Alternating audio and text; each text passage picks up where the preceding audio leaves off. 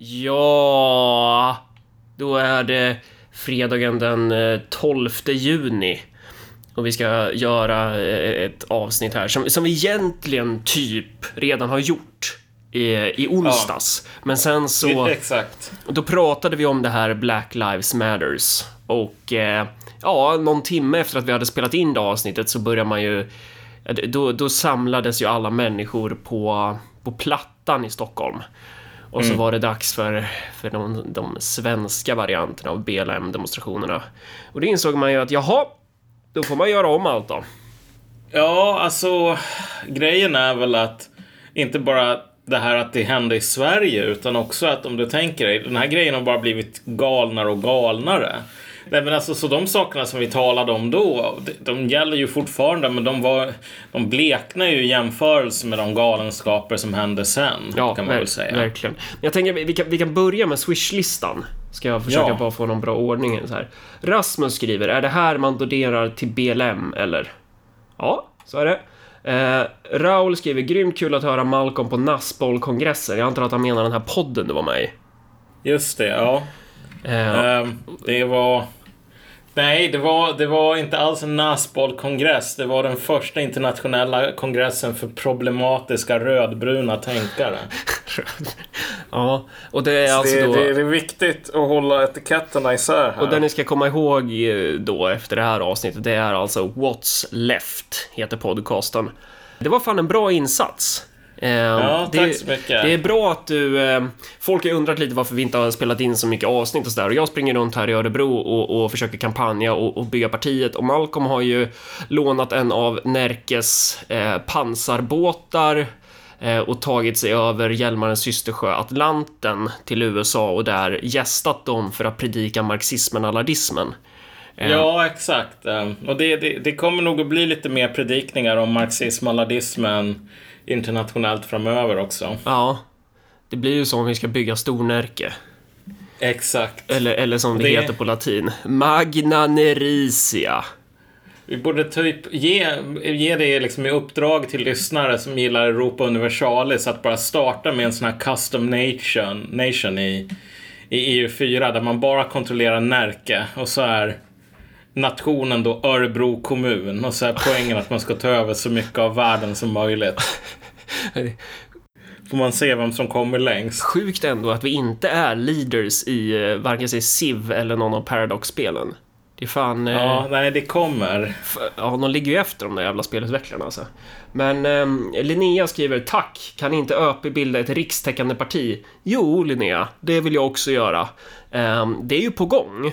Det är bara det att det tar en stund att bygga ett rikstäckande parti och sättet som vi vill göra det på är ju att bygga flera lokala partier. Ehm, Så vill man bygga ett lokalt parti på sin ort, då skickar man in en medlems... Eh, man fyller i medlemsformuläret på Örebropartiets hemsida och sen så ringer vi upp. Det tar, det tar oftast ett tag, för vi är inte så många som jobbar med det här. Men vi håller Ja, det är väl på... ganska många som ansöker också. Ja, det är faktiskt... Ja, det är det. Det är fan skitjobbigt att det går bra. Eh, då, då måste man ju jobba. Det är så här det är att vara politiker alltså. Nu, nu förstår jag de här andra som bara vill sitta och äta gräddtårta här. Att det, när, det väl, när det väl blir resultat, då måste man jobba också. Men eh, Ja. det, tar, det tar sin lilla tid att, eh, att, att, eh, att, att vi ringer upp och sådär. Men när vi väl gör det, då, då är det ju the real deal. Och så kollar vi då, ja men hur...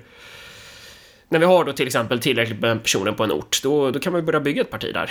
Så det, Ja. Och saken är väl den att, jag menar, det var ju ett par andra partier som försökte med det här. Ja, vi har en skitbra idé, nu ska vi bygga ett rikstäckande parti. Eh, och våran metod här är lite långsammare och tråkigare, men alternativet har ju inte visat sig funka skitbra. Nej. Eh, syftet är att bygga en massa lokala partier som, som kan utgöra någon slags ny rörelse och som flyttar ner fokus på, på den absolut lokala absolut lokala, på, på den mest lokala nivån. Eller det blev ju inte bättre svenska där. På, på kommunnivå. Så, och, och så bygger man nerifrån och upp istället för att försöka göra det här stavhoppet över 4% spärren och landa snett och bryta benet och skitjobbigt. Ja, du, en sak som är så himla fascinerande om man nu ska ta lite av en tangent baserat på det här. Ja. Alltså, när man pratar med typ jänkare och du vet den så kallade eh, liksom så här, amerikanska socialister. under en sån lång tid i USA Ja. så folk bara säger att ja men vet du vad, vi har det här federala systemet, ett tvåpartisystem, bla bla bla bla bla. Um, det är så himla svårt att typ bli president. Och, och när man bara funderar ett tag, men du vet, är det så jävla svårt att hamna på typ City Council i Spokane eller någonting? Bara ta en medelstor stad med massor med problem, massor med budgetavvägningar och så vidare. Ehm, det är inte omöjligt att äh, ähm, agera politiskt på den nivån. Men alla som kallar sig själva vänster eller socialister eller vad fan det nu är, det nu är, är ju totalt ointresserade av ehm, Ja, ja, att men, göra jobbet. ja, det är det som är intressant i det där avsnittet som du gästar med den där What's Left och du får frågan så här. Eh, Vad fan var frågan var typ så här. Men hur, kan man verkligen driva politik idag utan att det blir eh, och, och, samtidigt vara socialist? Eller det var, det var typ någon sån fråga. Ja, just det. Det var från någon sån här på Twitter. Ja, Ja, alltså för att, ja vet du vad, om man håller på och driver politik lokalt, då blir man bara en slav till människors önskemål snarare än... än en att man, uttolkare ur, ur den sanna socialistiska ideologin. Ja, och det är bara så här, okej, men vem är den här sanna socialistiska ideologin eller rev- revolutionen till för? Nej, Om du nu bibehåller din renhet här när du ska tolka ut vad liksom sann marxism är och du enbart kan va, ha den ren genom att undanhålla den från riktiga människor, typ i Flen eller någonting. Ja. Men, eh, ja. Johannes skriver, ni gör livet svårare och intressantare. Och det kan jag ju bara säga att jag har ju ett till poddprojekt på gång. Eh, som inte kommer vara lika politiskt, men eh, det kommer heta, det kommer vara på temat saker vi stör oss på. Så, ja, jag ska nog allt lära er vad det finns i vardagen som man ska som man ska hålla koll på så att ni också kan börja det, störa det er. är en podd där du bara håller på och rasar mot folk som smaskar så här. Fast nu får du en timme på dig per person. Planen är att vi ska ha en psykolog med också. Eh, som, som kan förklara. Fast det jag är lite rädd för det, för det kommer ju sluta med att jag blir inspärrad. Eh, Ja. Och att folk, när folk väl får se att jag är ju... Fast det vet ju folk redan att jag är sjuk. Jag är Och du och jag ska ju ha ett matlagningsprogram också någon gång sen. Just det. Liksom. Eh, och bok. Och, och ta över Norden. Eh, och, och, och Twitch-streaming av Civ. Ja men den, den borde vi kunna styra rätt snart ändå. Du har ju börjat gamea nu alltså. Fy fan, har du testat Simon Bolivar eller? Jag vet bara att han är OP. Han är helt... Han är helt... Passa på innan han blir nerfad. Nu ska vi se. Ja, Simon... nej, men typ alla enheter har plus movement eller? Ja, dels det och sen får du en extra Great General som stackar med, med varann och det är, bara, nej, det är bara helt sjukt. Men eh, Simon skriver, vilken sida bettade Marcus på valet 2016? Svaret är Donald Trump och jag vann pengar. Jag tror jag vann 5100 kronor, vilket var väldigt mycket pengar för Marcus Solar 2016. Eh, Med tanke på att jag levde som ett rövhål. Robert Karlsson skriver, "Vi- valet i USA, vem vinner? Jag skulle nog säga Donald Trump där också, eller vad tror du, Malcolm? Ja, om jag är tvungen att välja så säger jag nog Donald Trump igen. Eh, och sen Hannes skriver avsnitt angående Black Lives Matter. Ja, det kommer här. Vi ska bara säga tack till Alexander Kristoffer, Alexander Fredrik, John, Ulf och Tord.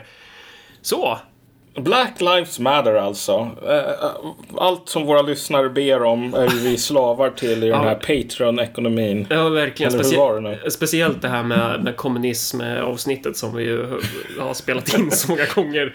Är, Exakt, jo precis. Det, det här är liksom den, den, den planerade ekonomin, Marcus. Den är så otroligt effektiv. ja, Jag menar, de flesta känner väl till ungefär vad som hände. Ehm, eh, en kille, vad heter han nu? George Floyd. Douglas Floyd. George. George Floyd, precis. Blev eh, dödad av en polis som jag tror heter Derek Chauvin. Där det är typ ett par andra poliser som står och tittar på. Och det sker ju genom att Chauvin har knät på typ nacken på Floyd i en tio minuter eller någonting. Men eh, det roliga är att i, i många andra fall och jag tänker typ på någon som George Zimmerman som sköt den här svarta tonåringen för att han var med i ett medborgargarde typ. Uh, I många andra fall när det har varit en sån här stor skjutning så har det varit politiskt polariserat. Det vill säga att republikaner säger att nej men det här var inte så farligt, vet du hur jobbigt det är att vara polis? Demokrater säger det här är jättefarligt, fuck polisen, typ. I det här fallet så fanns det ingenting sådant. Det finns inte en enda person i USA som typ inte tycker att eh, Chauvin ska åka dit för mord i princip. Och till skillnad från de flesta andra gånger där polisen varit involverad i den här sortens våld så alltså Chauvin, det var ju ingen nåd där. Han åkte in direkt. Fick sparken, åker in på först tredje gradens mord som de sen uppgraderade till andra gradens mord. Hammaren har slagit ner här ganska hårt och ganska snabbt, men ändå så får du den här stora explosionen. Mm. Um, och alltså, det har varit riktigt crazy grejer i USA där ehm, bara i den här första fasen så hade du ju folk som höll på att bränna ner massor med grejer och liksom så här massor med etniskt våld mellan svarta och koreaner och araber och latinos. Som folk inte gillar att tala om. Men sen så har du ju haft massor med så här vita människor som typ tvättar fötterna på svarta och tar på sig kedjor och liksom ber om ursäkt för slaveriet och har mm. verkligen sån här ny, frikyrkliga väckelsemöten. Mm. Och um, det man kan säga om just den specifika händelsen är ju att det är ju fruktansvärt. Han blir ju, han blir ju kvävd, kvävd till döds. Eh, mm. Men det sjuka som gör det ännu vidare är att polisen gör ju sådär. Alltså, det, det, polisen gör ju så ibland i USA. De dödar ju mm. folk. Det finns, det finns ju filmer på när de gör samma sak med även alltså, vita människor. Och, och just den där diskussionen, ja. för det pratade vi lite om i förra avsnittet typ, och då, då var det lite mer specifikt. Det är ju nästan bra att vi inte släppte det, för att det är ju att, att typ fastna i den här diskussionen och försöka rationalisera eller försöka liksom ta ner det hela på jorden och dissekera vad, hur, hur, det ser ut, till exempel med så här statistiken att eh, ja men är verkligen, om, om du sorterar, eller sorterar, om du, om du städar statistiken för fattiga, alltså, eller hur fan säger man? Ja. Om du om, om du kollar på statistiken för personer som dödas av polisen som är, som är fattiga så är väl typ vita mer representerade än svarta. Ja, exakt. Mm. Och, och det... Och därmed kan man väl säga, ja men det är klart att det sker ett övervåld från polisen. Det är ju det är fan inget snack om den saken. Men det som blir så sjukt är ju att sättet det framas på. Att ja. då ska det ju framas som att det är någon slags rasistisk konspiration mot, mot svarta. Och det där är ju någonting som jag tror att vi i Sverige kollektivt fortfarande tänker. Att, ja. att USA är lika rasistiskt som det var för 50-60 år sedan. Ja, men alltså, och det där, är, det där är så jävla fascinerande därför att jag menar du och jag har ju fått den här kritiken av våra alterkameraden. Eh, liksom avföllingar, du vet, eh, de, de, de, de låter som SD och vad är det som gör SD så unikt? Jo, för att de vill hålla på att splittra människor genom att prata om ras och nation snarare än klass. Men vi i den goda fina vänstern, vi talar om klass och inte om hudfärg, för hudfärg spelar ingen roll. Och jag skrev ju den här krönikan i GP som du länkade på Facebook-sidan sådär. Eh, och jag har ju sett att en hel del av kritiken från på, på lite olika Facebook-sidor har varit mer eller mindre att hur kan man våga prata om eh, klass bara när det handlar om klass och ras? Eh, så att den, den nya citat SD-linjen, slutcitat, som man förleder arbetarna med är att typ prata om, ja men det här handlar om fattigdom och kapitalism. Mm, just det. Så att den, den självmotsägelsen här är enorm. Men sen bara den här grejen med att det skulle handla så mycket om rasism i, Af i, i USA. De, den gruppen som blir minst utsatt av de stora etniska grupperna är asiater. Alltså du kan inte övertyga mig om att ett land där man satte sig japaner interneringsläger och liknande under andra världskriget. Och det är då en statistik som är sorterad från hur många av hur många asiater finns i amerikanska befolkningen i övrigt. Alltså man har, drag, man har kollat på ett snitt. Ja. Så, ah, mm. Jo, exakt. Om du kollar på 100 000 asiater, hur många som blir utsatta för polisvåld. Mm. Det är den gruppen som, om vi inte kollar någonting på in, inkomst alls, utan vi är totalt klassblinda här. Asiater är de absolut minst utsatta. I ett land där Alltså, man har den här långa historien av rasism mot kineser som byggde järnvägarna och du vet, man internerade hundratusentals japaner i koncentrationsläger under andra världskriget och sånt där. Mm. för att man ansåg dem vara ett internt hot. Alltså, det här är inte ett land som är renons på historiska exempel på typ rasism mot asiater. Så what gives? Tror du att de här jävla snutarna som folk föreställer sig ska vara de såna här rasistiska hillbillies bara Ja, ah, fan du är, du, du, du är kines, du är ju mer vit än jag. Det, och, men om någon är om någon är verkligen så här out of touch nog för att tro att det är så det funkar, att de här Ku Klux Klan-människorna ser att vita, de är typ halvnegrer. Det är bara asiater som är vita och det är därför som vi slår på dem minst. Okej, okay det finns en annan grupp i USA, vilket är invandrare från Afrika snarare än afroamerikaner. Svarta människor som kommer från Afrika eller vars föräldrar kom från Afrika, inte svarta människor vars äh, förfäder kom till USA ofrivilligt för 300-400 år sedan. Det finns inte någon, de har ingen problem med polisvåld heller därför att de som kommer till Afrika eller till USA från Afrika är typ så här läkare och liknande. Och, alltså det, det, är ju väldigt svårt att tro att de här rasistiska poliserna bara ah, nu ska jag döda dig din jävla nigger. Mm. Och så säger den här personen med knät mot nacken bara ursäkta, jag är faktiskt från Ghana. Mm. Och den här polisen bara Åh, förlåt!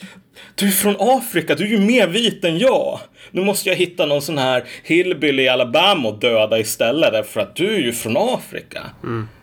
Men hur ser det, det ut? Det, alltså, ja. är det inte...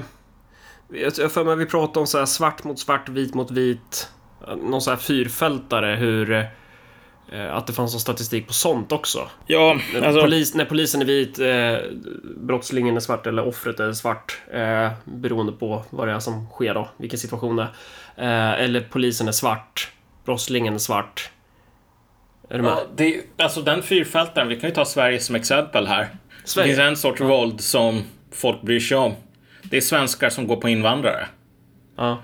Uh, om det är invandrare som går på invandrare, som det här fallet med den här um, jag kommer inte ihåg från vilket afrikanskt land han kom ifrån. Eritrea kanske. Um, den här killen som blev kastad från en gångbro. Alla var ju så jävla på den nyheten och bara, ah, vet du vad, nu har brödraskapet Wolfpack här etablerat sig i Rosengård. Um, och sen så visade det sig, nej men vadå, det, det var väl typ ett kurdiskt gäng tror jag. Mm -hmm. Som typ inte gillar afrikaner. Ja, jag har ingen aning. Bara, men, men, men, jag har ingen aning vad, hur det såg ut just i det specifika fallet, men, men det jag tänkte ja. på... Okej, okay, ja men... Eh, Alright. det vill men, säga, men, det vi pratar om nu då är hur man uppfattar det, helt enkelt. Ja. ja mm. Alltså det är ju med polisvåld, precis som med den här sortens våld mot invandrare som finns i Sverige. De är inte helt analoga, men, men ändå. Mm. När det gäller våld mot våld överlag i Sverige, det är våldet som har nyhetsvärde, det är svenskar som pucklar på invandrare typ om det är så Tommy Lind, alltså då är det jätteproblematiskt. Mm. Då är det ingen riktigt som vill prata om det, utan då ska man vänta med att gräva fram att, nej men vet du vad, han kanske var så här nazist eller någonting. Mm. Um, men samma sak i USA, alltså att det finns jättemycket våld där det är så här vita poliser som spöar på vita därför att amerikansk polis spöar ju på fattiga i första hand och en majoritet av de fattiga är vita och en majoritet av poliserna är vita. Så det här är absolut mest förekommande våldet. Och vi har ju tidigare pratat om hur rasismen används som en Alltså nästan alltid används som en passande pusselbit i ja. klassamhället i övrigt för att förklara Eh, ja, men klassutsugning. Under medeltidens Europa så behövde du ju inte eh, alltså rasism. Du använde ju inte det som en förklaringsmodell för att de utsugna bönderna, alltså de arbetande klasserna, eh, de såg ju ut som adelsmännen. Ja. Alltså, de hade ju samma hudfärg. Så att då fick man ju ha en annan typ av förklaringsmodell varför de här skulle stå med leran upp till knävecken och, och slita ja. på åkern. Och då var det ju något i stil med, men Gud har bestämt att det ska vara så, det här är naturliga ordningen, du har din plats här så har jag min plats här som fogde och så skyddar jag er och sen så, ja visst jag kanske tar 90% av din skörd och så vidare, men det är ändå en harmoni och det är så här det, det, är så det är tänkt att vara. Alltså det fanns en ideologisk förklaringsmodell och det finns ju alltid en ideologisk förklaringsmodell för att förklara varför klassamhället ska se ut som det gör. Eh, ja. Under så här, slaveriets början där, eller i alla fall när det var implementerat, så hade man ju, då var ju den, en, den här ideologiska pusselbiten att förklara att nej men de här svarta människorna, de ska vara slavar för att de är underlägsna. Ja, alltså en av de sakerna som folk måste förstå är ju att mm. så här, um, du vet, det, det som vi tänker på som rasism, någonting relativt nytt. Um, och Alltså du, det är inte någonting nödvändigt för slaveri. Antagligen så är det så att de flesta samhällen som har haft slavar har inte haft den här sortens europeiska rasism som vi är vana vid att förknippa med det. Alltså grekerna till exempel, de, de använder den här förklaringsmodellen att så här, slav, det är man om man är sämst eller född till föräldrar som är sämst, vilket är uh, typ Heloterna bodde nära Sparta det blev ett krig mellan Sparta och heloterna. Heloterna förlorade. Mm. Och det är bara så här, ger man sig in i leken så får man leken tåla. Typ förlora inte nästa gång om ni inte vill vara slavar. Och en, en rolig grej är ju så här att bara för att visa hur, hur seriöst de tog den förklaringen så Sparta förklarar ju krig mot sina egna slavar en gång om året och bara åkte ut och spöa skiten ur dem bara för att de skulle veta att det, det, typ, det är därför som ni jobbar åt oss. Det är för att vi kan spöa er när vi vill. Sparta kan vara det mest sjukaste som hänt i mänsklighetens historia. Det var ganska hardcore förr i tiden kan man väl säga. Och jo. de behövde inte rasism för att vara hardcore. Men, ehm, just det här med att vita som går ner på knä och ber om ursäkt för sin för sin vithet och så. Eh, alltså argumentet för det där är ju någonstans att det är så här ja, men vi vita har en historisk skuld. Och, och att man då bär det med sig i sin, i sin hudfärg, i sin vita essens, typ. Eh, om, om, man, om jag idag på stan skulle gått fram till en somalier och sagt åt den där somalien att nu måste du gå ner på knä för mig. För du måste be om ursäkt för dina somaliska förfäder som, som handlade med slavar via Berbera eller Mogadishu eller... Mm. Det, det, det hade ju varit rätt sjukt. Och han bara, men jag har inte något med det där att göra. Jo, du är somalier. Du, du ser ut som en somalier. Du, du, du är en somalier. Du, jag ser mm. det på dig. Alltså, det, det är ju en... Alltså det här med att, att, att man bär en egenskap i sin ras, det kallas ju för någonting, det kallas ju rasism. Mm. Men, men just när det gäller vita så har vi ju tagit bort det. Och det har vi också varit inne på tidigare, att dagens så kallade antirasism används ju som en ny rasistisk pusselbit för att legitimera ja. dagens klassamhälle och för att legitimera vissa klassers anspråk på majoritetsbefolkningen. På de hemska SD-rustande pöbelväljarna, på de äckliga deplorables Trump-väljarna, på den, den, den, alltså den, den vita arbetarklassen. Eh, och de jo. som gör det här är ju inte enbart färgade, utan de som framförallt gör det, det är ju den här skiktet under eliten, alltså den här transferiatmedelklassen som använder ja, det här som en murbräcka. Du vet, alltså Joe Biden var ju på någon livestream och han börjar ju bli jävligt senil nu sådär. Mm. Och det är ingenting jag säger bara för att vara elak, utan det är väldigt tydligt att han lider av någon form av ganska långtgången demens. Um, det har ju skrivits ganska mycket om det. Okay. Mm, mm. Um, han var på någon sån här grej, det var någon svart liksom influencer sådär. Um, och det kom upp någon fråga, jag kommer inte ihåg specifikt vad frågan var, men det var typ om Trump. Och Joe Biden säger liksom på sitt uh, Bert Karlsson-vis lite grann att så här. Uh, Dude, if you're voting for Biden, let me tell you one thing. You ain't black. Typ. Så, eller vänta, inte voting for Biden, voting for Trump. Så Biden säger då till den där svarta killen att vem som helst som röstar på Trump är inte svart på riktigt. Och det här blir liksom lite av en kontrovers så här för att det, det är, folk håller på att säga att det här är väldigt out of touch. Det är 2020 nu, farfar och så vidare. Men sen så har du lite så här människor skribenter på New York Times och liknande som säger att alltså kolla, vi måste ju faktiskt förstå att det, finns något som är att vara politiskt svart. Sen finns det någonting som bara är att råka ha en hudfärg. Och vi kan inte hålla på och låtsas längre som att det är samma sak. Mm. Och jag tar upp det på grund av att när vi håller på och talar om vita till exempel, och det här är någonting som många i högern inte fattar. Liksom, det finns egentligen ingen rasism mot svenskar. I, därför att, inte för att folk inte beter sig på ett sätt som man normalt skulle kalla sig rasistiskt. Utan att logiken i det här har inte så mycket att göra med svenskar som typ ras. Utan det här är ju en socialt konstruerad kategori. Så att typ den här Amineh Kakabaveh, hon är hatad i Vänsterpartiet för att hon är svensk. Ja, du, Hon kan vara, ja. ja, du med. Alltså, Ja. du, du är ju pursvensk, sen har du en farsa från, vad fan är det, Uganda eller? Ja, precis. Ja, så att du, du är half-blood på, helt enkelt. Men, men, men du är också hatad för att du är då en husneger, för att du inte liksom, du är, du är inte på så sätt som din ras ska vara. Du har inte de politiska åsikter som du rent genetiskt eh, förväntas ha enligt vänsterns ideologi. Ja, men eller ta Paolo Roberto. Paolo Roberto, du vet, det är ju... det. Det, det, det historiska minnet här är ju jävligt kort i det här landet. Precis Ja. som i alla andra länder i väst.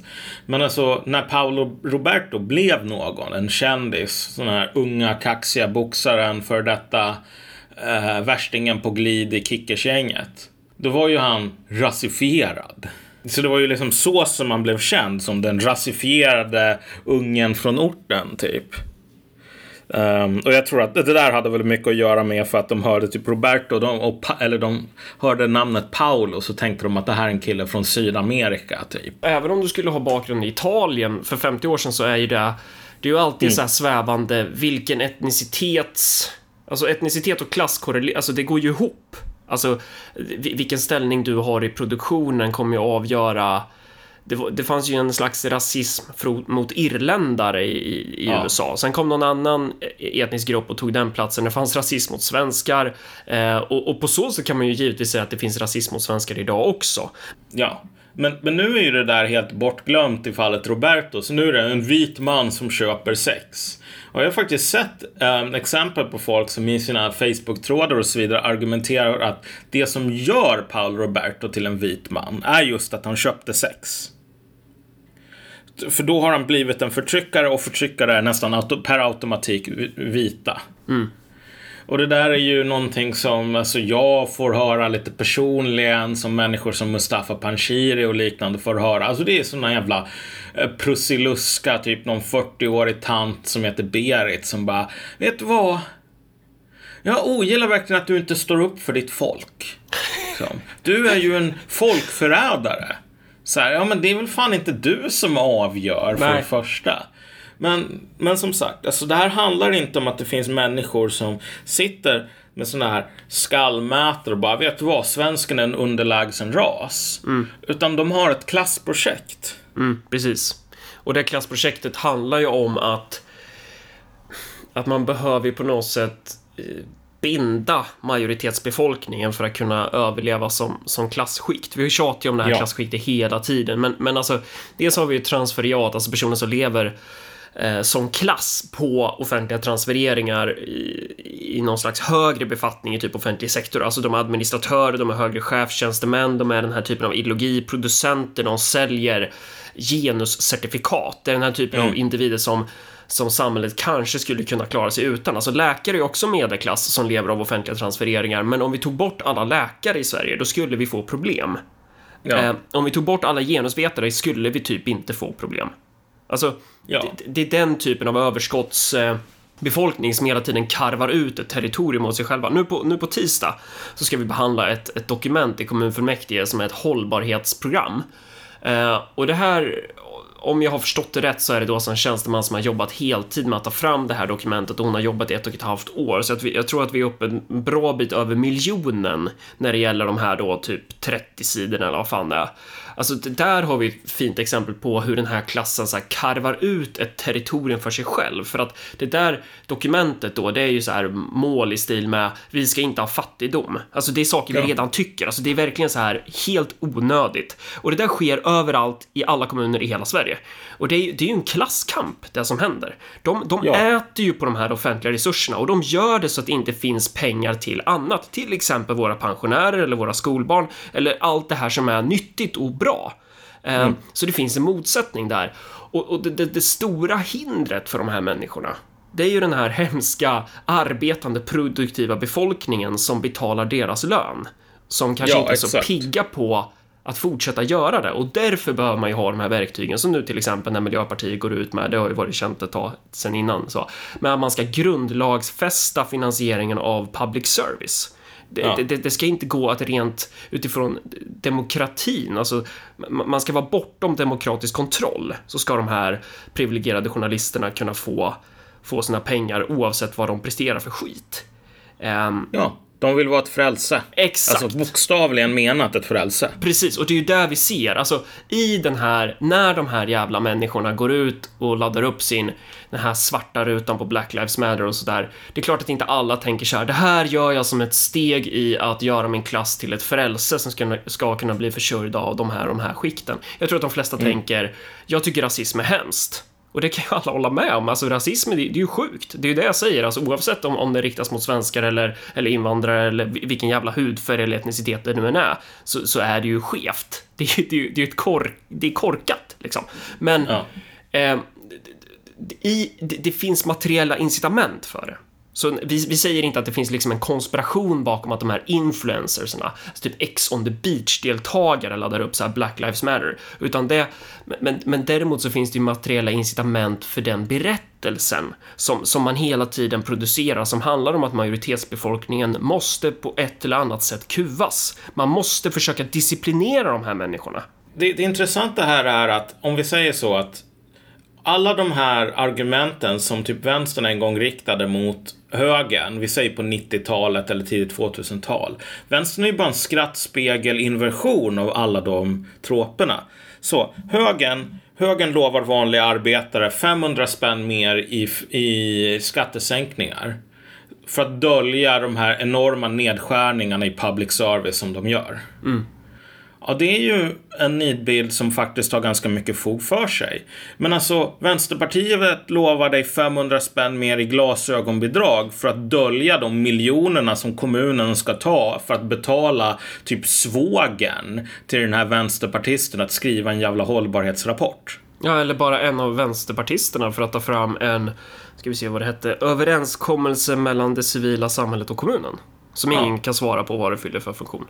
Nej, det, det är samma jävla parasitism där i slutändan. Och där den här högern, Ronald Reagan-typen, håller på att klaga på så här Cadillac, eh, eh, eh, svarta ensamstående mammor Ja, som åker Cadillac till socialkontoret för att hämta ut ehm, sina socialbidrag. Kolla Ja. vad jävla slösaktiga och dumma de är. Inga mer pengar till dem. Eh, Eh, för att kunna skära ner. Så håller vänstern på att säga, kolla alla människor som bor i de här bruksorterna i Sverige som vi har avindustrialiserat och flyttat alla jävla fabriker till Kina. De är rasister! Så då är det okej. De är bara rasister. och de, de ska fan mig betala för att vi ska ta in den här, mi- min fru för övrigt då, som ska komma och, och hbtq-certifiera dem eller, Ja. eller sätta ett antirasistcertifikat. Att det blir ju en, det blir ju en marknad för det här. Ja, exakt. Och det, det är precis samma funktion här. Att man har bara, vänstern har sitt narrativ för varför vanligt folk är värdelöst skräp som man ska hålla på och parasitera på. Högern har sitt narrativ. Men det är båda jävla parasiter från båda hållen i Och, slutändan. och, det man ska, det, och det är där man ska komma ihåg. För att just nu så, så sker det ju debatter. Och det där blir jag så jävla irriterad på, för det finns ingenting att debattera. För det spelar ingen roll vad man säger. Alla fattar att det är helt jävla ologiskt att, att vita människor ska be om ursäkt för typ Carl von Linné. Alltså bara hela den grejen är helt störd. Eller så här, att man ska be om ursäkt för vad ens förfäder gjorde. Det, det, det, är absurt. Man ska inte ens gå in där. Man ska inte gå in och försöka ens ta de argumenten, för de här människorna är inte ute efter att debattera med dig. De vill inte, de kommer inte låta sig övertygas. De andas klasskamp. Det här är aggressiva, parasitära klassskikt.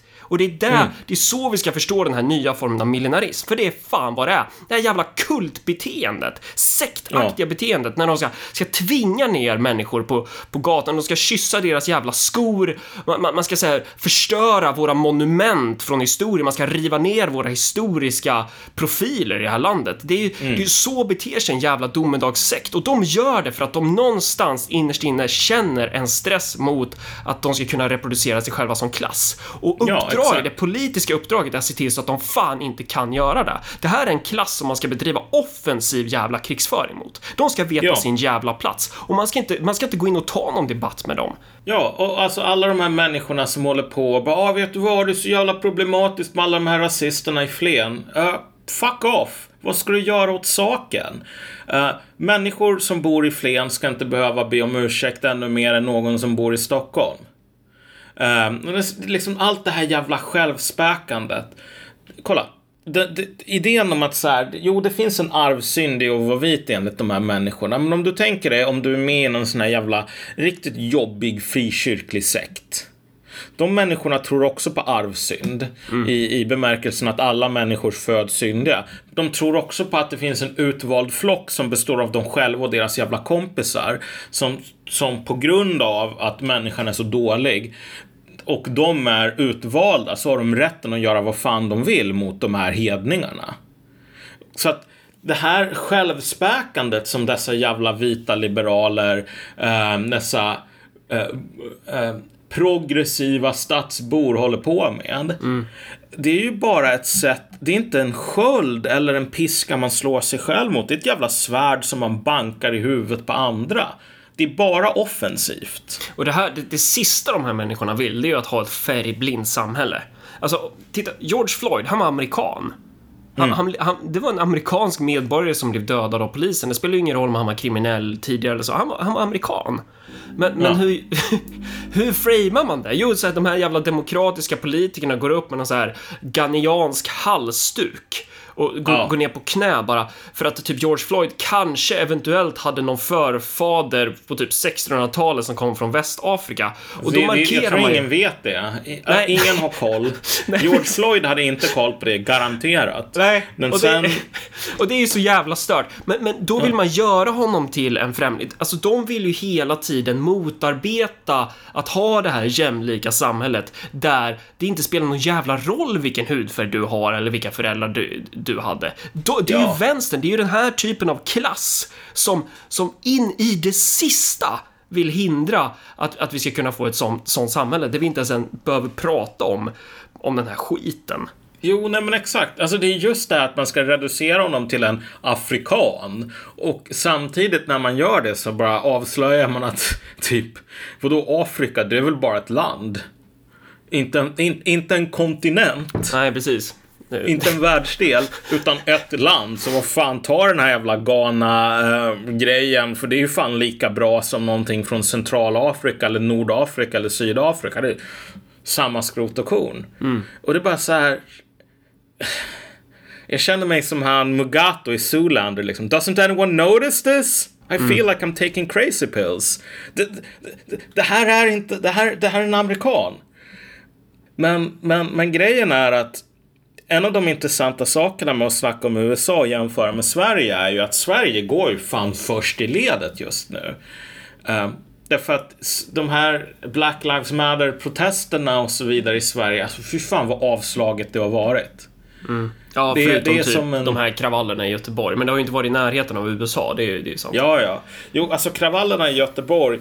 Mm. Men jag menar, det är ju inte ens politiskt. Det är ju bara Adidas-riddare som kommer och kaosar. Det där är ju ett problem som vi har med den svenska misslyckade assimileringen. Om man stannar lite där, för att jag upplever ju att det, att det finns ju definitivt en rasism mot svenskar, ett, ett resentiment, ett, ett djupt ja. förakt som, som odlas i förorten mot, mot majoritetssamhället där man tänker att anledningen till varför jag inte har det lika bra som vissa svenskar som har slitit som fan, det är för att de hatar mig, de, de, de är rasister mot mig. Alltså, och, och, det är ju, det är ju ett, ett narrativ som inte så här odlas bara av islamister och så här Nej. mörker, alltså vad säger man, ljusskygga krafter, utan det är ju ett narrativ som odlas av ABF, av institutioner, av, av alltså folkbildningsorganisationer, av hela det jävla etablerade samhället odlar ju det här jävla idiotnarrativet som, som, som ska försöka ta bort de här människornas agens.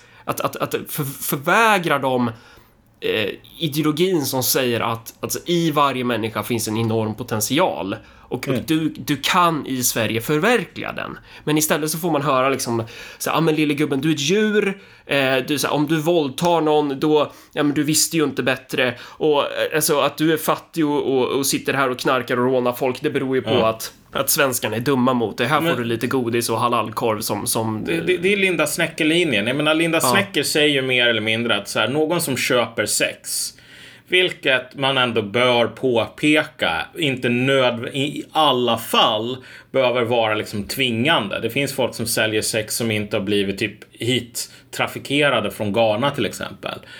Eh, men om man köper sex, då antar Linda Snäcker att man är svensk. Det har ju skett en sån här jättestor trafficking av typ nigerian, nigerianska maffian har ju fört över massor med kvinnor som de liksom har som slavar på bordeller i Europa. Ja.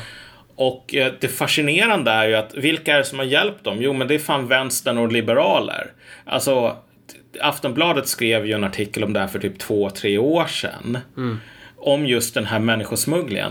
Och, och de här um, humanitära organisationerna som typ agerar mer eller mindre eh, taxichaufförer åt den nigerianska maffian. De vet vad som pågår. Och någon sån där hjälparbetare som blev intervjuad sa ju att ja, jag vet att de här kommer att säljas till slavar. Men jag vet inte, jag säger ju inte det till dem för det skapar bara dålig stämning. Och då tänker man så här. Din jävla, din, din jävla lort. Så för dig är din moraliska kick över att vara humanitär här, hjälpa flyktingar, den är typ viktigare än att du ska informera de här flyktingarna om att de, de kommer att bli tagna till en bordell där de görs till slavar och antagligen sen blir dödade efter ett par år. Det är bara, ja vet du vad, går det inte att knäcka, göra omeletter utan att knäcka lite ägg, som Stalin skulle ha sagt. Fast i det här fallet så är inte ens omeletten, jag vet inte vad, en stor pansarvagn, utan det är bara att du ska ta några bilder på Instagram och lägga upp. Ja. Så det är den första grejen, att om vi nu ska hålla på tal om trafficking, jag menar då fan inte folk som Linda Snäcker någon jävla bra ben att stå på. Men den andra grejen är att hon antar ju att köper man sex, då är man vit eller en svensk. Även om man nu en gång i tiden har varit rasifierad så blir akten av att köpa sex liksom, något som försvenskar dig, vilket gör att du ska ju in i fängelse för att du har faktiskt gjort en moralisk handling. Du vet, du har gjort någonting fel. Och du har haft makten att välja någonting annat, något som inte är fel, vilket är att inte köpa sex. Och därför måste du straffas, väldigt enkelt. Moral 101. Men om du gruppvåldtar, mm då gäller inte hårdare fängelsestraff. För jag menar, herregud. Så det här är ju verkligen noblesse oblige, den ädle vilden. Fast ja, hur ädelt det nu kan vara med gruppvåldtäkt, det är ju någonting Linda Snäcker borde fundera på. Men så här, den, den här enorma chauvinismen som ligger i att jag kan göra val, men du kan inte det. Ja, det är någonting som prånglas ut av ABF-typer och av islamister av alla. För att, och- Och det, det lapas upp för att det är så jävla bekvämt. Eh, och det, alltså de här Adidas-riddarna som säger Åh, vet du vad, det är bara svennarna som är rasistiska. Det, de är ju identiska med de här blåhåren som säger att ja, men vet du vad, mitt liv är ett jävla soptipp på grund av patriarkatet. Och det som är så jävligt är ju så här äckliga public service och de här personerna som bara älskar alltså att gutta sig i hela den här hypen. För de vill ju lyfta fram de här Adidas-riddarna. De lyfter ju inte fram de här invandrarna som har krigat från dag ett för att se till så att, så att de ska kunna, alltså de, de har slitit som djur. Jag vet inte hur många människor jag har träffat som bara berättar deras historier, hur de kommer till Sverige. De, de, de, de sitter med barnens skolböcker för att, för att lära sig svenska och de, de, de kämpar, de skaffar ett jobb, de startar, de, de börjar som städare typ, de startar någon liten jävla kiosk någonstans, de, de bygger upp, det, det blir en pizzeria, de, de, de, det, det är hedervärt, de gör rätt för sig, deras barn gör rätt för sig, de har, de är, alltså, det är så jävla bra. De, man lyfter fan aldrig fram dem, för man vet Ja. ju vad de tycker. Alltså om du, om vi hade låtit dem, alltså om vi bara hade outsourcat typ invandringsfrågan till så här diverse kurder och syrianer som driver typ ja men faktiska företag och som är produktiva. Alltså shit vad det hade repatrierats folk alltså. Jävlar, Ja. det är bara att gå in, gå in i de här kurdgrupperna och, och, och liksom läs, läs inlägg på de här eh, Adidas-riddarna. Det är ju bara varenda kommentar är bara så här utvisa hela familjen, jävla pack. Alltså det, är- det, ju- det är ju ett sånt... Och det fattar ju inte så här public service-packen. De, de, För de, de vill ju ha, alltså invandrarens roll är att vara den här lilla pusselbiten, det här lilla offret som, som, ska, som ska passa in i, i, deras, i deras narrativ.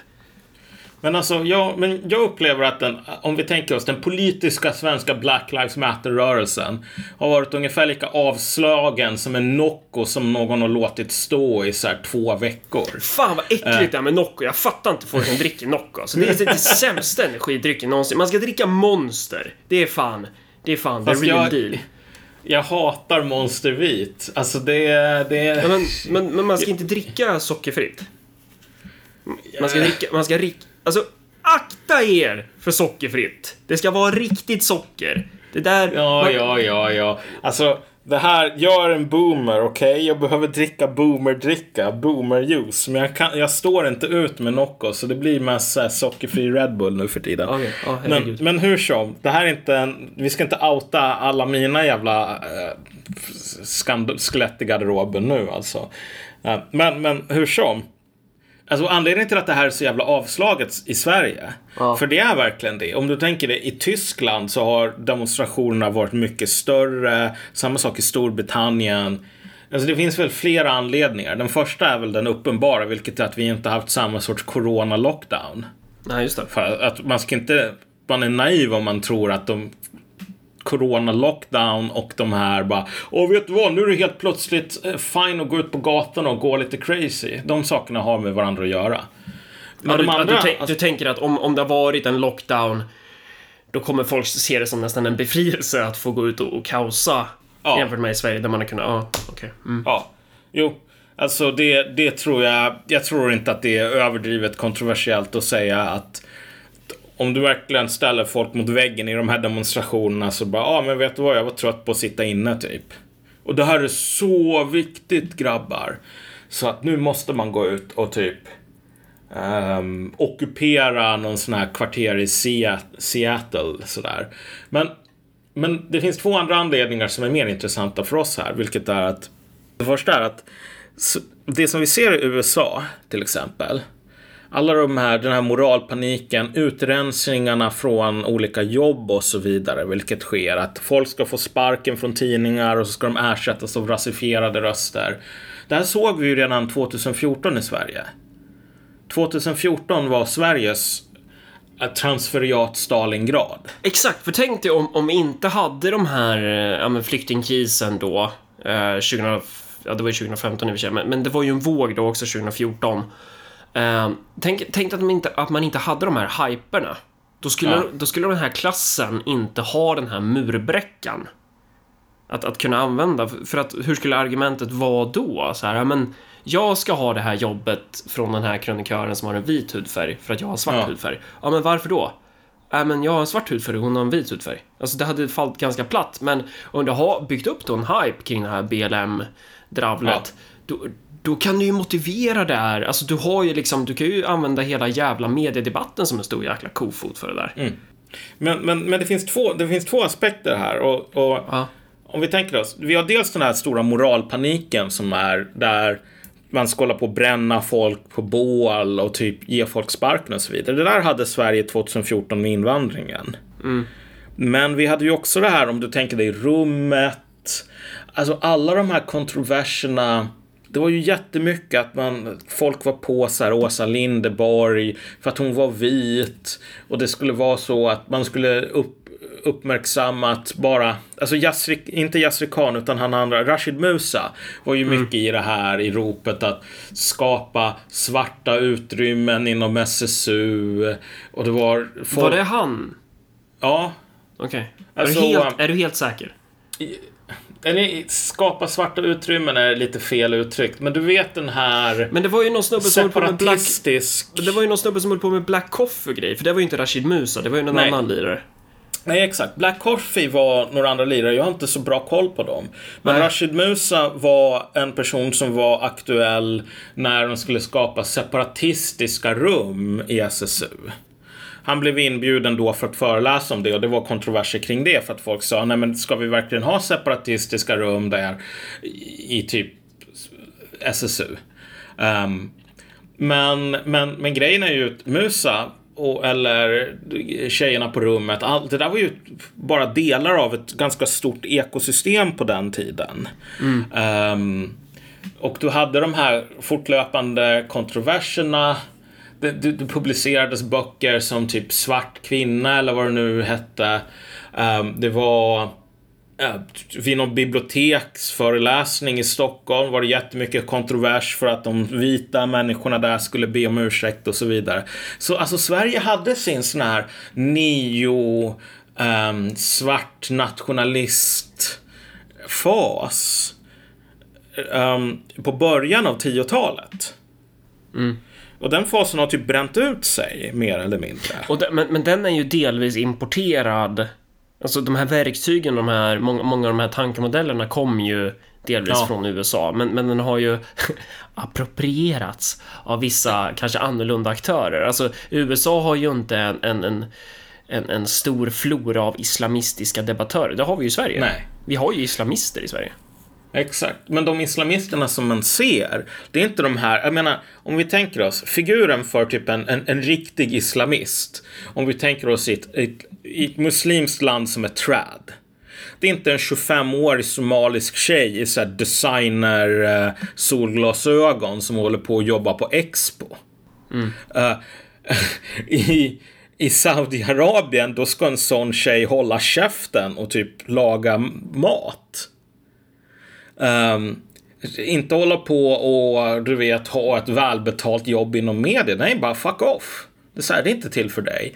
Så att de, den sortens islamister, the islamister classic, de ser man ju aldrig i media. Utan de som du ser i media, det är människor som är bara en sorts underart av den här transferiat som har, det har varit en jävla gimmick för dem. Det här. Och en grej, och det här är någonting som faktiskt hon miljöpartisten som bara kampanjar på somaliska ändå, hon blev anklagad för klanröstning. Leila kom- Almi. Ja, och hon bara, men jag tror inte ni vet vad klaner är för någonting. För det var fan inte bara en klan som röstade på mig. Det var liksom hennes svar och det är inte ett inkorrekt svar så. Ehm, utan det är snarare så att hon försöker bli en sån här maskinpolitiker som typ talar till en hel etnisk grupp snarare än att hon försöker mobilisera liksom klanen hemifrån sådär. Ska, vänta, Men- jag ska bara få hennes namn rätt. Leila...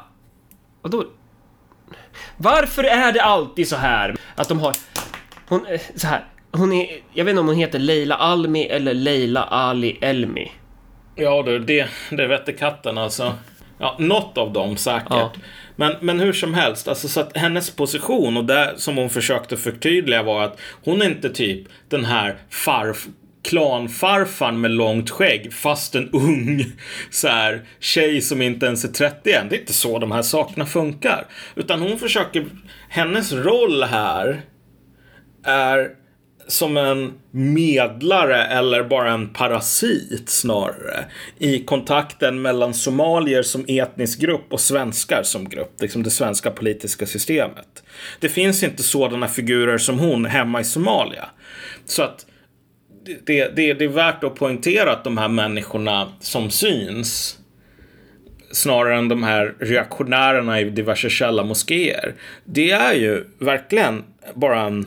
De har sin nisch här. De har sin, du vet, de är trollkarlar men deras underkategori här Ja, men det är också alltså hur, hur de här, den här typen av hyper, hur det gifter sig i Sverige. För där har du ju en, du har ju en klassallians där mellan transferiaten.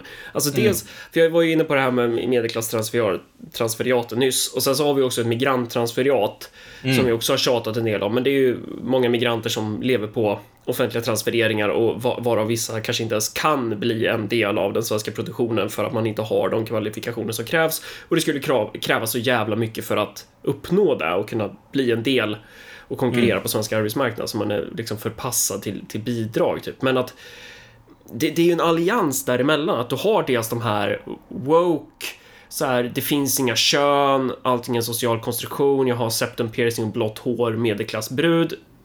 Å ena sidan, samtidigt som du har den här superreaktionära fanatiska islamisten med sitt stora skägg eh, och som typ önskar att man kunde stena homosexuella eh, på torget. Alltså du, du får en allians mellan de där när den här typen av grejer händer. Eh, och vi pratade ju lite i förra avsnittet om det här med med militansen och sådär. Att, att, för, att, för att om man tittar på de här när det väl har blivit stökigt på de här BLM-demonstrationerna i Sverige, som i Göteborg då till exempel, alltså det är ju Adidas-riddarna som springer och, och sabbar ja. grejer. Och det är ju frågan om och de ens är så, jävla medvetna islamister överhuvudtaget. Det kanske bara är invandrarkids som vill, som vill kaosa typ. Men vad som är, för att den här medelklassen, om om, om vi tänker då, vad har de för, för vapen i klasskampen? Alltså de har ju, de sitter i institutionerna, de har ideologi. De kan ja. försöka försvara eh, fortsatt utbetalning av transfereringar. Eh, men mm. de har ju inte det fysiska våldsmonopolet, alltså de har inget våldskapital så. Men, men, men de här, alltså invandrarskikten besitter ju ändå en högre grad av våldskapital. Mm. Och, och, och, frågan är ju om, i, i hur utsträckning kan knappt prata. I hur stor utsträckning som de här skikten kan bli någon form av stormtrupper. Till... Det, ja, det där är en jävligt intressant fråga. Och jag tror att det här är en andra anledning till att alltså, den svenska reaktionen på det här har varit så fisljummen även jämfört med mm -hmm. andra europeiska länder. Därför att Sverige, jag menar, alliansen i USA är ju mellan afroamerikaner, hoppas man. Uh, för nu, alltså asiater är redan ute. Typ. I, alltså de är inte rasifierade längre ens. Utan den här nya termen BIPOC, alltså Black Indigenous People of Color. Alltså är en term som man, som man kom, du vet i början sa man POC. För att people of color, people för att color, typ uh. alla som inte är vita. Men sen uh. så var man tvungen att lägga till black indigenous för att man ville få bort asiater. Aha. Och det har att göra med, om du tänker dig så här, de kampanjer som pågår i USA nu, att man ska avkolonialisera STEM och du vet få bort alla vita ur STEM. Alltså eh, så här, um, matematik, fysik, de, de, den sortens uh, högre utbildning. Alltså, problemet är att det inte finns massor med vita amerikaner i amerikansk STEM, utan det är enormt dominerat av asiater. Så alla de här försöken att nu ska, nu ska svarta få mer plats handlar i slutändan om att man ska ut med, ut med alla de här jävla kineserna mer eller mindre. Och det, så liksom man hamnar i ett problem här att när man ska bekämpa, du vet, vita rasister. Men ens faktiska materiella mål är att få bort massor med asiater som har jobb man själv vill ha. Så det, det orsakar massor med problem för koalitionen. Men, men den stora skillnaden mellan Sverige och USA är att afroamerikaner mm. är, de är amerikaner. Um, det, det, finns inget, det finns inget snack om saken om att George Floyd är en amerikan. Så här, glöm allt det jävla Kente-sjalarna och allting sånt där. Det här är inte en person som bara, fan alltså, typ, han, liksom, han, är en sån, han är en sån utlänning så här. Han förstår inte hur USA funkar. Men alltså i, US, i Sverige, om du tänker dig såna här områden där det går runt moralpoliser och typ som branscher, där det är så här folk talar bara somaliska, de kommer till skolan um, från, de har varit födda i Sverige och liksom vid sju, åtta års ålder så kan de inte ett ord svenska.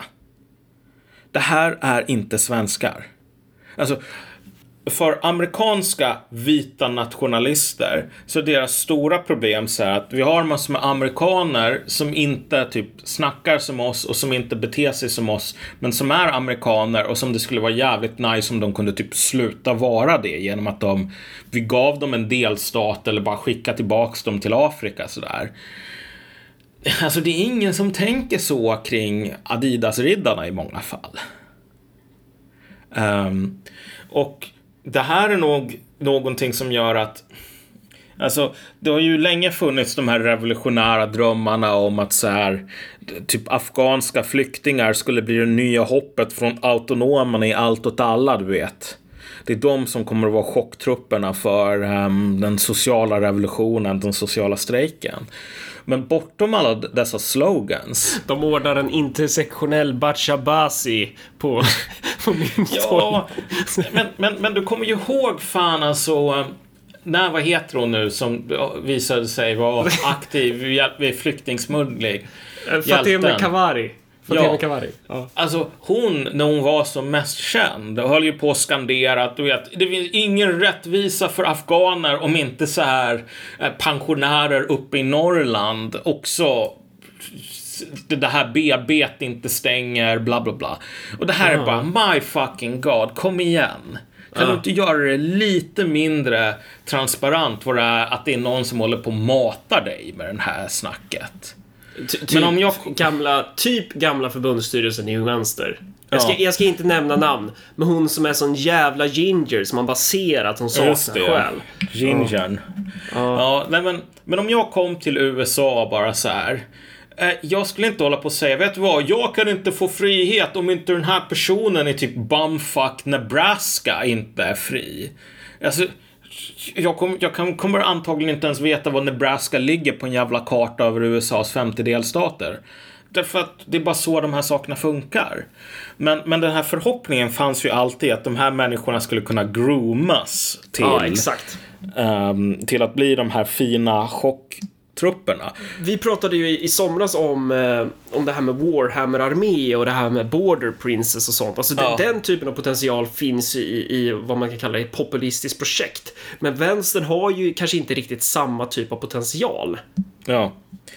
Ja, Alltså, alltså att, sen- blanda, att blanda de här olika karaktärerna. Är de, förstår du vad jag menar? Ja, jag förstår. Men, men, men problemet om man ska vara lite så här tråkigt marxistiskt är väl Ja. att det är, Alltså, problemet med flyktingar är ju att deras roll här inom produktionen och om man nu är någon form av materialist så Ja, det. finns det ju något samband mellan det och ehm, Ja.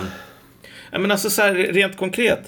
Jag tror att de flesta afghanska immigranter som kommer till Sverige eh, hoppas kunna tjäna bra med pengar, ta hit familjen och typ eh, skaffa en iPhone. Och det är inget fel med det sådär. Men ehm, det är ofta en position som, som kan leda lätt in i det här liksom parasitära um, beroendet av olika transfereringar från så här, mecenater som använder en själv som ett verktyg i, i sitt eget klasskrig. Och de människorna, för att eka vad Marx säger om trasproletariatet i, i Frankrike på 1700-talet och 1800-talet. De människorna är i objektiv bemärkelse ofta verktyg för reaktionen snarare än så progressiva eller det är osäkert om de ens kan uppnå någon form av citat klassmedvetande slutcitat. De, de är inte en heroisk klass som kan användas för att eh, störta det fruktansvärda samhället, utan de kommer snarare försvara det utifrån Ja. sin position. Ja. Men, men, men den andra grejen här att om vi nu ska liksom lämna den sortens teoretiserande om trasprollar därhän ett tag. Så bara den, den, den rent konkreta bilden som möter oss här. Det är ett gäng Adidas-riddare som bara river sönder ett jävla flyttlass och håller på och typ stampar på någon sexårings ritning eller teckningar som han har gjort till sin mamma. Alltså, jag gissar att det är anledningen till att du inte hör så mycket från eh, de autonoma eh, eller från vänstern överlag är just på grund av att man fattar att de här människorna kan inte vi kontrollera för fem minuter ens. Alltså om vi håller på och snackar för mycket som typ Kajsa Ekis Ekman om att nu vet ni att ni aldrig kommer att kunna döda en svart person igen utan att priset blir riktigt högt. För då jävlar kommer vi och sabbar ert flyttlass i revolutionens namn. Precis. Då kommer ett gäng, då kommer ett gäng så multikriminella och bara typ river sönder din dotter eller sons jävla teckningar från dagis. Och det, liksom, det är bara så här man skämmer ut sig själv. Ja. Eh, eller, eller när de här um, um, kamerabilderna på när de här människorna ska hålla på och trasha det här köpcentrat i Göteborg. Alltså ingen människa går och kollar på det och bara tänker så här, fy fan vad Kajsa Ekis Ekman har rätt. Alltså här har vi den proletära revolutionen. Det subalterna politiska medvetandet. Utan det är ju bara drägg. När vi ändå är inne på det, här, alltså jag... jag trodde ju typ så. Jag tänkte ju så. Alltså för... Eh, nej men när vi var aktiva i vänstern och sådär. Ja, jag minns ju, jo. jag fick ju så här frågor och så "Ah, men hur ska vi förstå de här förortskravallerna? Och jag rapade ju upp hela den där berättelsen. Att så här, ja men det, det är rätt att göra uppror, det är så här, det här är rasism, bla bla bla bla bla. Jo, jo, man- precis. Och det, jo, men alltså, det är ju en extra så här, för att det slår mig att många av dem som typ gav en cred då när man ja, men var i blåsväder då inom vänstern. De sitter ju fortfarande och kör den här, mm. den här storyn. De sitter Ja. fortfarande, trots att vi så här, jag är ju i chock över att jag kunde vara så dum i huvudet typ. Eh, Ja. Men den, den, den jävla blogg. Jag var ju en gång i tiden någon sån här en stor intellektuell bla bla bla sådär tänkare inom vänstern. Men en, den saken som, och då var det ju massor med jävla ryggdunkningar. Åh gud, han är så smart. Sen så skriver jag mer eller mindre den här texten som är att, men om du är en invandrare som har en butik. Du är inte på samma sida som den här invandraren som bränner ner din butik. Och så här bilbränder, det ju, låter ju jätteradikalt ända tills du tänker att de människorna som får sina bilar brända, det är folk som bor i de här områdena. De har ingen bil att åka till jobbet med plötsligt. Ehm, och det var ju liksom, det var ju a bridge too far, det fick man inte säga. Vilket visar att det här är ju som vilken sekt som helst, att man ska inte påtala de här sakerna som inte hänger ihop. Då blir man, då blir man en persona non grata. Och de här människorna är kvar där därför att jag menar så här, du vet, sekter, folk håller sig kvar i dem för att de är bekväma och till slut så lär man, vet man inte längre hur man lever utanför den mer eller mindre. Men jag tror att det finns en undermedveten förståelse för att det här jävla sekttänkandet som de här människorna håller på med, alltså det flyger inte utanför de, de, de, de evigt krympande cirklarna av de redan frälsta. Det är den stora skillnaden mellan Sverige och USA. Att i Sverige, då är, här är hundarna slagna som fan.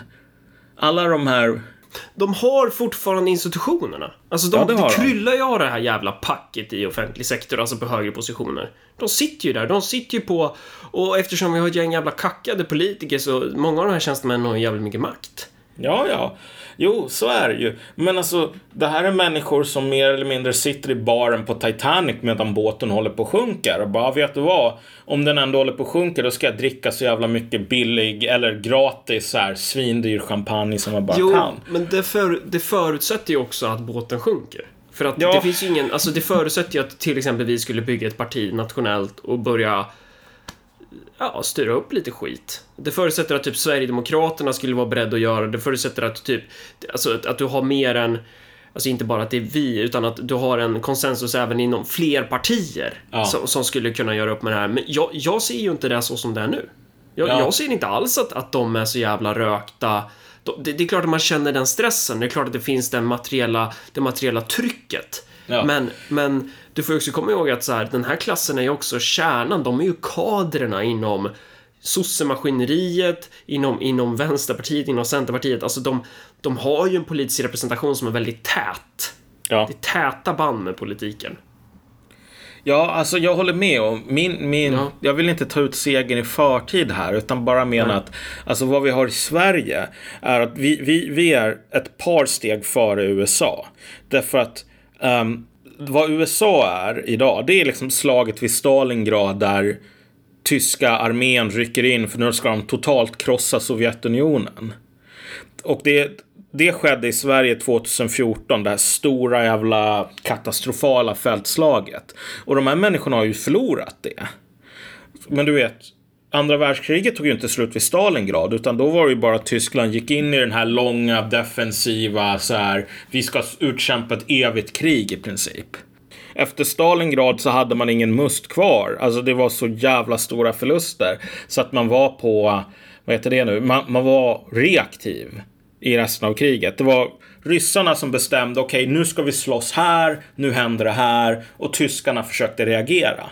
Innan Stalingrad så var det precis tvärtom. Tyskland anfaller på det här stället och så får ryssarna försöka liksom samla ihop nog med män för att inte få totalstryk.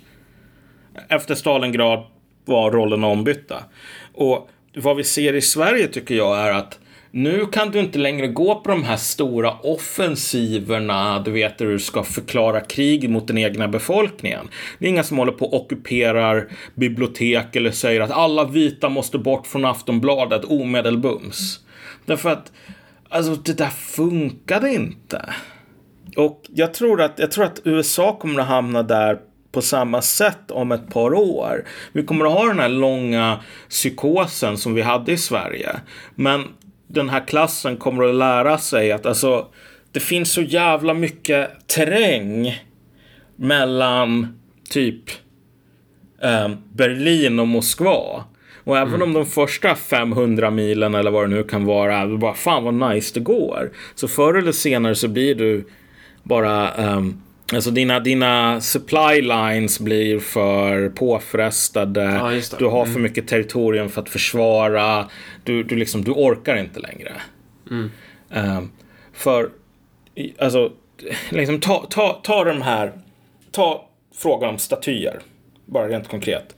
Alltså, i USA eller i Storbritannien, där går man och vandaliserar statyer. Um, och bara river ner dem och kastar dem i floden direkt. I Sverige, mm. då håller vänstern på och bara ah, vi ska starta en, en, en namninsamling på internet om att plocka bort Linnés staty från Uppsala. Mm. Ja, det, det, det, är så här, och sen liksom vilka är det som gör det? Det är ju inte ens typ någon från Vänsterpartiet utan det är någon sån här jävla föredetting som försöker eh, eh, liksom få ut det sista guldet i, efter, hundra år efter California Gold Rush över. Och det är också en till grej. Att, att så här, varför just Carl von Linné? Alltså ska ja. ni hitta någon Återigen, man ska inte landa i fällan här och försöka resonera med de här jävla idioterna, men typ, de tidiga sossarna är ju typ mer rasistiska än Carl von Linné, eller? Ja. Alltså, borde, liksom borde, inte, borde inte det vara ett projekt, projekt då för Black Lives Matter och storma typ socialdemokratins högkvarter som eh, en, en, protest och alla romers vägnar? Eh, de här människorna alla... vet vilken hand som föder dem. De, ja. de vet bättre än att bita den. Men, men ja, Nej men alltså det är ju patetiskt med att välja Carl von Linné, ja men det, det, det, är verkligen, du vet, hur säger man? Alltså det är verkligen phoning it in. Att det här, vi måste göra någonting för att inte skämma ut oss. Okej, okay, men vi, vi, går i alfabetisk ordning och bara C, Carl, Carl von Linné, ja men honom kör vi på. Oh. Um, och nej, men, alltså, de kommer inte att riva ner den där statyn och om de mot all förmodan gör det så kommer de att upptäcka att det är så här 95% av Sveriges befolkning är emot det. Att ja. de bara isolerar sig ännu mer. Ja, för där har vi också någonting. Har de här demonstrationerna uppnått sitt syfte? Eller, eller kan det ha blivit så att folk, att Svensson runt om i vårt avlånga land har sett den här skiten och känner bara vad är det för jävla pack? Ja. Vad är det för jävla pack? Ja, nej, nej men jo men precis. Det, det är det som är grejen. Det är därför som man håller så jävla låg profil jämfört med många andra länder. Därför att man vet att så fort vi gör någonting mm. då kommer folk bara säga fy fan vilka patetiska losers detta är. Mm. Jag menar, Ekis har försökt, de autonoma har försökt lite grann, men de sitter mest på nätet och håller på och säger att du vet, revolutionen sker i Amerika just nu med den här autonoma uh, syndikalistiska, jag vet inte, anarkistiska folkrepubliken i Seattle. De som blev kuppade av en kriminell och sen kom det hemlös, eller fan var det? Att det var... Ja, jo. Det där är bara högerpropaganda, Marcus. Det där är bara ja. högerpropaganda. Du, du, du köper högerpropaganda för att diskreditera revolutionen. Vad är det egentligen som säger att, att Adidas-riddarna typ inte skulle kunna kapa det här rakt av? Och bara, alltså göra precis samma grej, bara slå bort vänstern från, från dess egna projekt. Ta över det. Börja, börja använda AFA-märket. Börja, börja använda de här eh, grejerna som sitt eget. Alltså det närmaste det som man har kommit, det är väl typ egentligen Svarta Pantrarna sådär. Ja, ja uh, du menar pantrarna, svenska ja, pantrarna? pantrarna ja. precis. Det var mm. väl någon där som bara blev en IS-krigare sen sådär. Ja, och sen gick de andra in och skrev så här eh, Vila i frid bror, eh, bra kämpat och... Ja. Vilket, ja oh, shit. Alltså, alltså det, det, är verkligen så här först som tragedi sedan som fars på grund av att um, pantrarna i, originalformen, de försökte ju verkligen rekrytera bland trasproletariatet som det nu heter på marxistiska. Jag hade jättemycket problem med att de skulle försöka få de här jävla knarklangarna att inte hålla på att langa knark till egna medlemmar och så vidare. Med blandade resultat. På vissa ställen så var disciplinen relativt hög, på andra så var den relativt låg. Men så här, pantrarna, de, bara, de hade inte ens en, ens den här påsen av någon sorts marxistisk teori som svarta pantrarna hade. Utan bara det här, um, kolla vi, vi är coola killar från gettot. Ja, men, och det urartar ju totalt i den här identitetspolitiska vågen sen, Ja. eh, alltså det här med, ja men den här rasismen. Alltså att, att det, det handlar om en vit skuld och allt det här. Jo, exakt. Så jag menar, pantrarna är ungefär hur långt det här kan gå. Och visst, alltså, så det är inte omöjligt. Sen så tror jag nog att de flesta av de här människorna, de bryr sig inte om det, om det är jävla en svart flagga eller en jävla panter eller vad fan det nu är, så länge de får kausa. Pantrarna är ju inte den enda förortsorganisationen TM som, som vi haft i Sverige, utan det kryllar ju av dem. Det finns ju varenda jävla förort så har du ju något nå liknande. Eh, ofta någon form av hybridkriminella eller ja, tungt kriminella personer som, som ska vara den här eh, inflytelserika killen i området typ som Ja. drar igång. Ah, han är eldsjäl mannen! Och så Ja. he, hela projektet är så här. Det bara dör på en kvart om de inte får bidrag från sossekommunen. Exakt. Men alltså de, de kan använda lite olika flaggor. Det där kommer bara vara så här. Ja, idag heter vi den här saken, imorgon heter vi den här saken, idag är vi radikala, autonoma socialister. Läs Bortiga bror! Imorgon är vi någonting helt annat. Jag vet inte. Läs Linkola mannen. Eh, men, men det gemensamma kommer att vara ge oss bidrag och typ låt oss kausa. Men, men anledningen till att jag tror att så att säga de här människorna inte kommer att kuppa medelklassens projekt är ju för att alltså, de har i princip ingen ingen kontaktyta alls. Annat än liksom vid bidrags sådär socialtjänstbåset sådär. Och att medelklassen här, deras jävla jobb idag är att vara någon sorts häxdoktorer som, oj, blixten slår ner, då bara rusar de dit så fort benen kan bära dem och säga, ja det här var på grund av att den här guden inte blev blidkad, så nu måste ni ge mig tusen spänn så jag kan köpa en tjur som jag ska offra till gudarna, för annars kommer blixten att slå ner igen. Så de bara väntar på någon sån här spontan urladdning för att de ska kunna förklara den. Ehm, och det stora problemet med det i Sverige och i USA, men i Sverige är det mycket värre, det är att du tappar kontrollen över den här skiten. Eller du vet, åskan beter sig på ett sätt så att den visar att det är inte du som kontrollerar den. Därför att en av de sakerna som kommer att hända i Sverige, för jag tror att vi kommer att få mycket fler kravaller. Det var ju en sak som jag um, gissade på att vi skulle få i samband med Corona. Och jag fick ju rätt om det, jag måste man fan säga, men jag hade inte förväntat mig att det skulle få rätt på det här sättet. Jag tänkte mer att vi skulle få protester och liknande på grund av att sjukvårdskapaciteten inte skulle räcka till. Men nu får vi snarare så här protester och kravaller på grund av ja, arbetslösheten plus ehm, folk får bara nog och vill kaosa lite grann. Men vi kommer att få mer kravaller såna här, av ospecifierade anledningar. Folk känner sig less eller någonting händer så att de har en ursäkt. Och i början kommer det vara skitnice. Kajsa Ekis Ekman kommer att skriva Åh, vet du vad? Det här visar på att den röda fanan vajar över orten, bla bla bla, sådär. Massor med bullshit. Eh, men sen så kommer det visa sig att de här kravallerna kommer att ta på sig en ny, lite så här tonalitet. Så helt plötsligt så kommer det inte vara så att man kaosar med någon jävla Maj-Britts flyttlass. Utan man kaosar med, ja nu ska vi få ut de här somalierna, säger kurderna. Eller nu ska vi få ut de här jävla kurderna, säger somalierna. Och så börjar man puckla på varandra.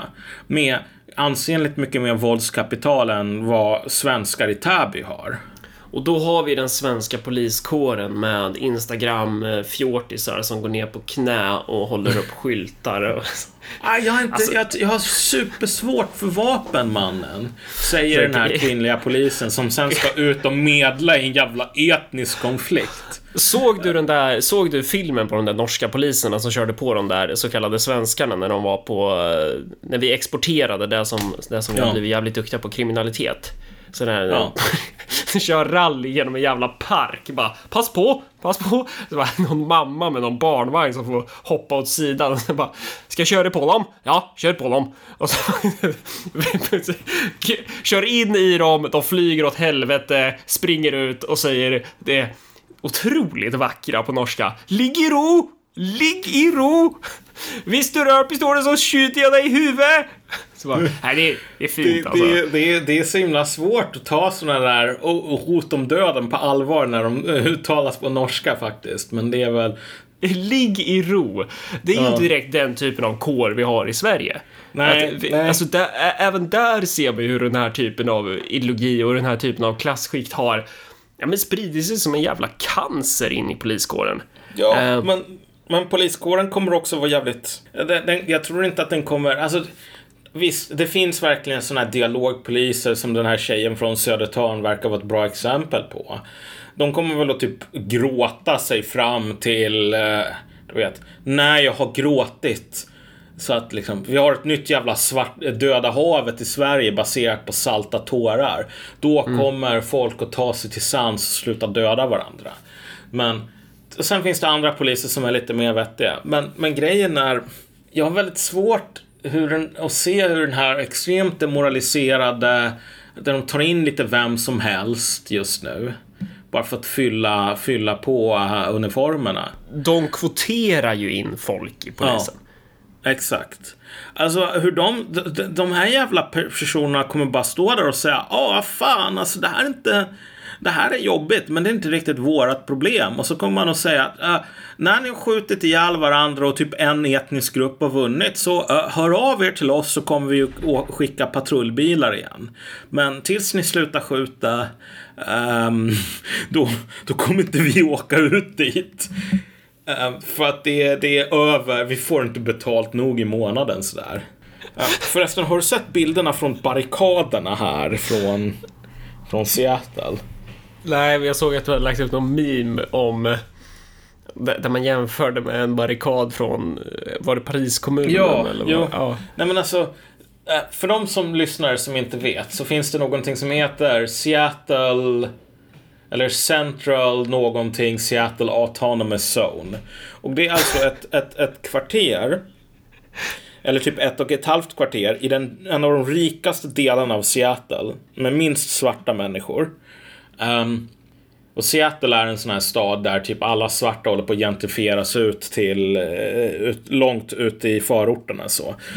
Eh, men, men då är det alltså i samband med Black Lives Matter så har några så här random eh, krustpunkare tagit över det här. Och så har de utropat ish en liksom självständig autonom zon som inte längre är del av USA. Och så har de drivit upp någon sån här gräsmatta. Och alltså, I'm not making this up. De drev upp en sån här gräsmatta. Och så har, hällde de så här jord på som kartongbitar och så planterar de lite basilika. För att den, den autonoma proletära zonen behöver, du vet, vara självförsörjande på mat. Eh, så det är liksom ett enda stort vuxendagis och det är jättemycket problem. Du vet, vi är, vi är anarkister så vi har inga poliser. Och sen så kommer det bara någon sån här Instagram eller Soundcloud-rappare som har med sig vapen och så bara, nu är jag polisen och så börjar han spöa folk.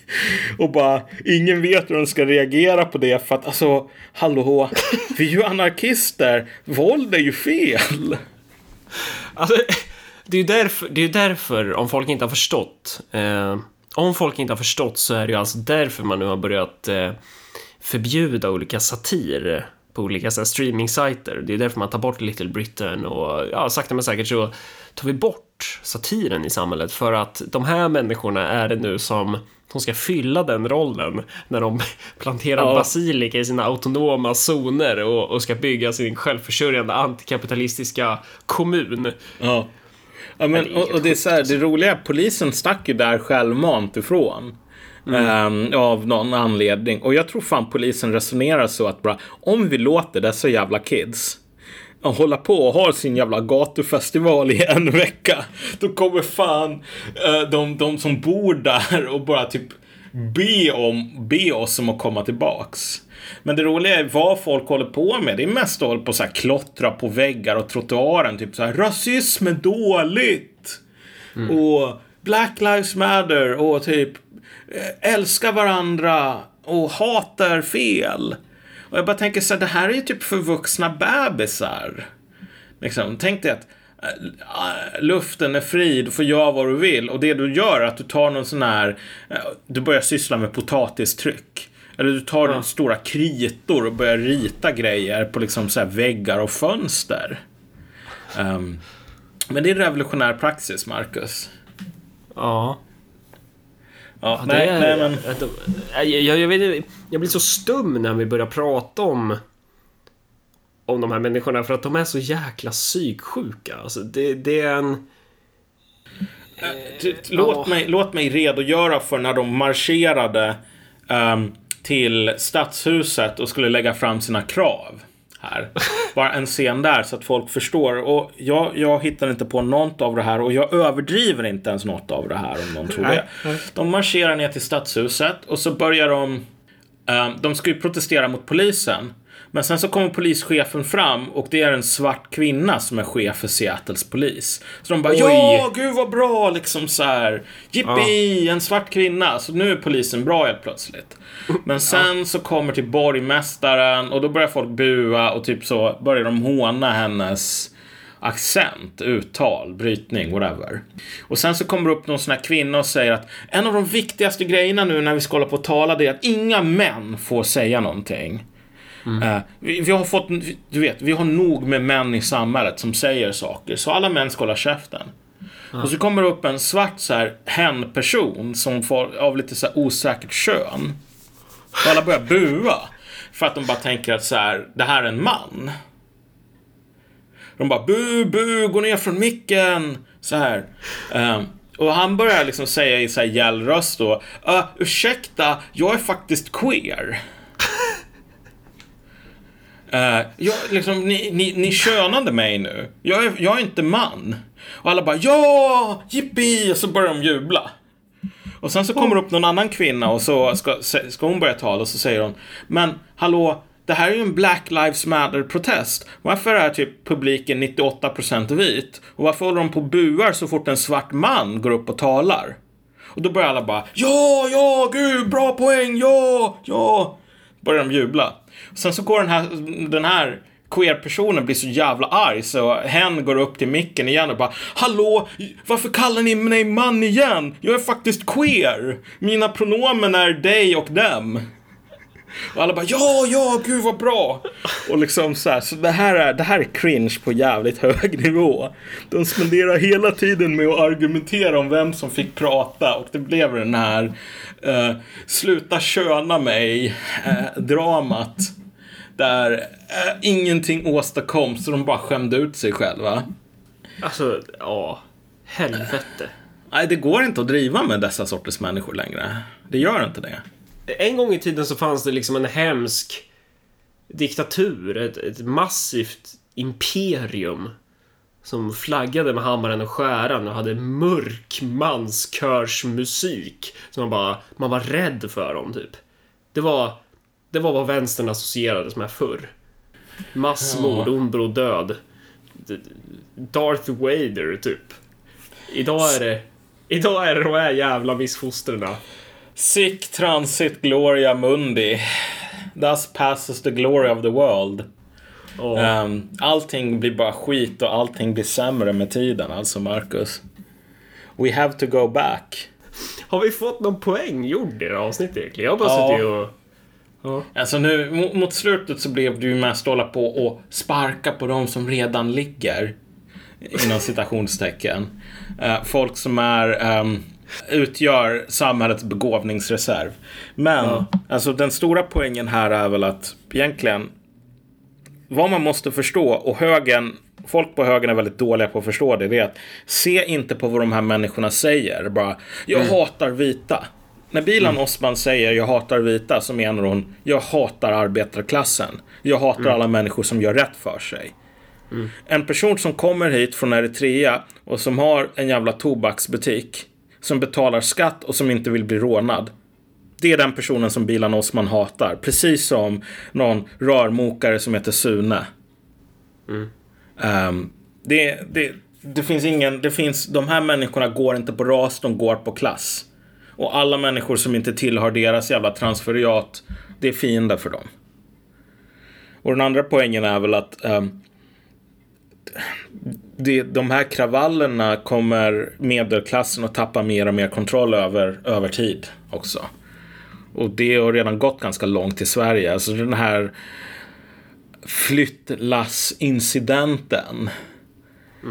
Alltså, visst, man kan skriva i ETC om att det här är de svaga som gör uppror mot den institutionaliserade rasismen. Men alla fattar att det här är bara kaosare som håller på och kaosar.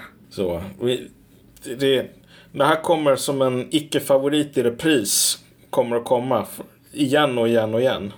Och lösningen är ju att formera politiskt alternativ som är, hur ska man säga, förmår att kanalisera folkflertalets, sluddare, Ja, ett, att förmår att kanalisera folkflertalets materiella intressen.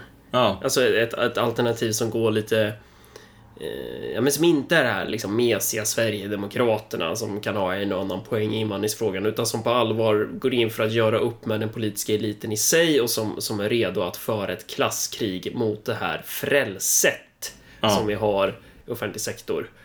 De högre skikten. Att, att, att eh, Ja. Ja, men, ja, ja, ja, men, men och göra upp med hela jävla bidragsindustrin och allt det här dravlet. Så kan ju Ja. de där människorna sitta och gråta, men det kommer de inte göra när de inte tjänar pengar på det heller. Och gör de det så, ja, vem fan bryr sig typ? Ja, när, när de här jävla parasiterna, när de här liberalerna och vänsterpartisterna håller på och skriker åt er, jävla rasister, gå ner på knä. De får säga gå ner på knä, men vi säger res er upp. Och det är fan skillnaden här. Det är sluta kröka på ryggen snarare än att krök på den ännu mer. Därför att um, alla de här ursäkterna de har för varför ni ska gå med krökt rygg, de är bara bullshit. Från början till slut. Och det är fan dags att slå tillbaks mot denna bullshit.